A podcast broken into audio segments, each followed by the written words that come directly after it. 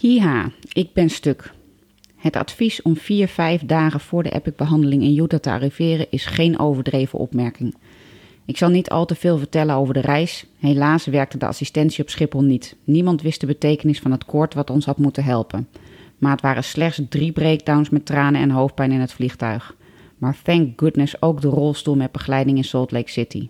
Die rijen hier had ik slecht kunnen volhouden na de vlucht zonder de neiging mij hardhandig en zonder rem een weg te bevechten richting de uitgang.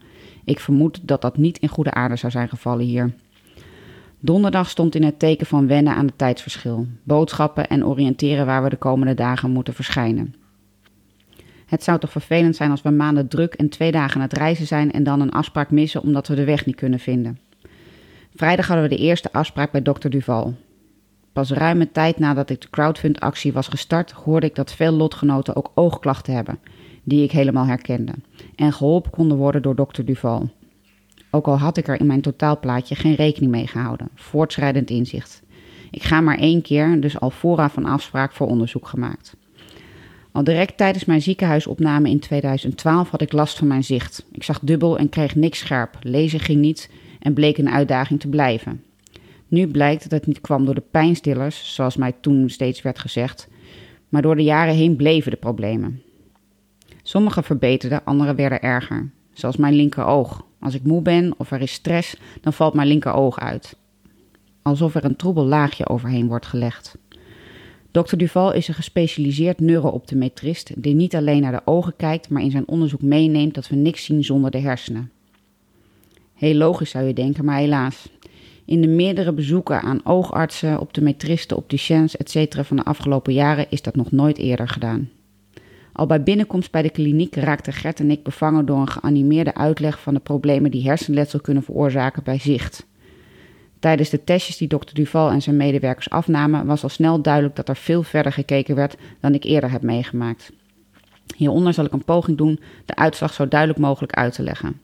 Het zal wel wat woorden kosten, dus skip anders door naar de laatste drie alinea's No Hard Feelings.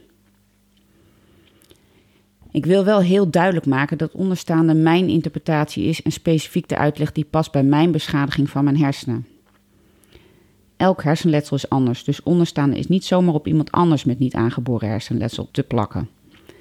De ogen vormen niet zelf een beeld, maar registreren prikkels die naar de achterkant van de hersenen worden gebracht.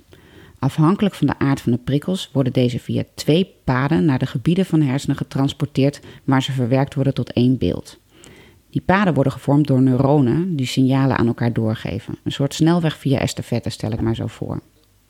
De functie van de oog is heel grof te verdelen in scherp zien en de rest van het gezichtsveld. Datgene waar we op focussen zien we scherp, maar neem maar eens een punt recht voor je scherp en hou je daar focus erop. En laat iemand een vinger van dat punt tot aan de zijkant van je hoofd bewegen. Kijk eens hoe lang je die vinger nog ziet, ook al blijf je vooruit kijken. Dat is best veel onscherp gebied wat je toch ziet. In Nederland testen ze met name of iemand scherp ziet. Ook wel zo handig als dit goed lukt. En daarin hadden de specialisten gelijk. Maar scherpte is prima. Check. Helaas blijkt dit maar 6% van ons totale zicht en de totale functie van de ogen te zijn. De overige 94% zit in de rest van het gezichtsveld, de periferie. Naast de scherpte focusfunctie zijn de ogen nog verantwoordelijk voor 16 skillgebieden die van invloed zijn op lezen, studeren en werken. En nog eens 12 plus die belangrijk zijn voor het verwerken van informatie en bijvoorbeeld zaken als autorijden. De schade die bij mij te vinden is, gaat over het samenvoegen van de twee beelden die door elk oog worden geregistreerd tot één beeld. Dat heeft gevolg voor bijvoorbeeld diepte zien. Scherp stellen, de ogen zijn flexibel en moeten makkelijk van plus 1 naar min 1 kunnen focussen. Plus gaat goed, maar min 1 zie ik echt helemaal niks meer. Klein foutje, bedankt. En dan trekking. Het volgen van beeld, maar dus ook het kunnen lezen op een normaal tempo, etc. Onder andere deze problemen verklaren waarom ik altijd hoofdpijn heb, erg vermoeid raak, vaak misselijk ben en ook alle dagelijkse zaken, schoonmaken, pc, lezen, autorijden, oversteken, supermarkt, etc., etc., die ik niet of nauwelijks nog kan doen. Al deze resultaten zijn op zichzelf staand minder van belang, maar bewijzen waar de hersenbeschadiging zit in de 94% van de periferie. Waar dokter Duval naar zoekt zijn de paden waarover de zichtsignalen vervoerd worden en dan met name de beschadigde paden.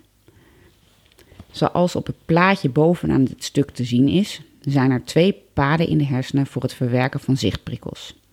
Het onderste rode pad vervoert signalen die gaan over kleur, structuur, materiaal, formaat, vorm en andere details die vooral passen bij het herkennen van wat we zien. Het scherpe focusdeel dus. Het blauwe pad bovenaan de hersenen is verantwoordelijk voor het vervoeren van signalen die gaan over het waar. Dat gaat over locatie, beweging, waar bevindt zich wat en hoe plaatsen objecten zich ten opzichte van elkaar. Met de signalen die via dit pad naar het juiste hersengebied worden getransporteerd, vormen we via de ogen een model van onze wereld, van onze omgeving. En je raadt het al, dit komt van de signalen die we halen uit de periferie. Het deel wat heel gevoelig is voor licht, beweging en plaatsing. Duidelijk bewijs dat hier dus mijn hersenbeschadiging in elk geval zitten. Na het hersenletsel zijn deze paden er nog wel, maar kan ik ze niet meer gebruiken zoals ik dat deed. Bijvoorbeeld, omdat er zoveel signalen door de periferie worden geregistreerd, heeft iedereen een filter. De signalen die niet belangrijk zijn, worden automatisch genegeerd. Alleen de belangrijke worden doorgegeven. Dat filter is bij mij stuk. Ik registreer en doe een poging alle signalen te transporteren en te verwerken, ongeacht of het nodig is. Dus een geparkeerde auto is net zo belangrijk als alle bewegende auto's tijdens het autorijden. Dat werkt heel onhandig als je snelweg toch al stuk is. 100 keer zoveel verkeer over een vierbaansweg met drie afgesloten banen. Dodelijk vermoeiend. Bovendien zorgen al die verkeerd verwerkte prikkels voor een voortdurende staat van alertheid die direct gevolgen heeft voor de fysieke gesteldheid, met betrekking tot bijvoorbeeld hartslag, waarna ze ook gewoon heel veel energie kosten. Mijn lichaam houdt continu rekening met een noodsituatie, zoals de meeste mensen die alleen voelen als er een auto onverwacht uitwijkt vlak voor hun neus. Daarnaast vorm je dus met alle signalen die je in de periferie opvangt en verwerkt een model van je wereld of omgeving.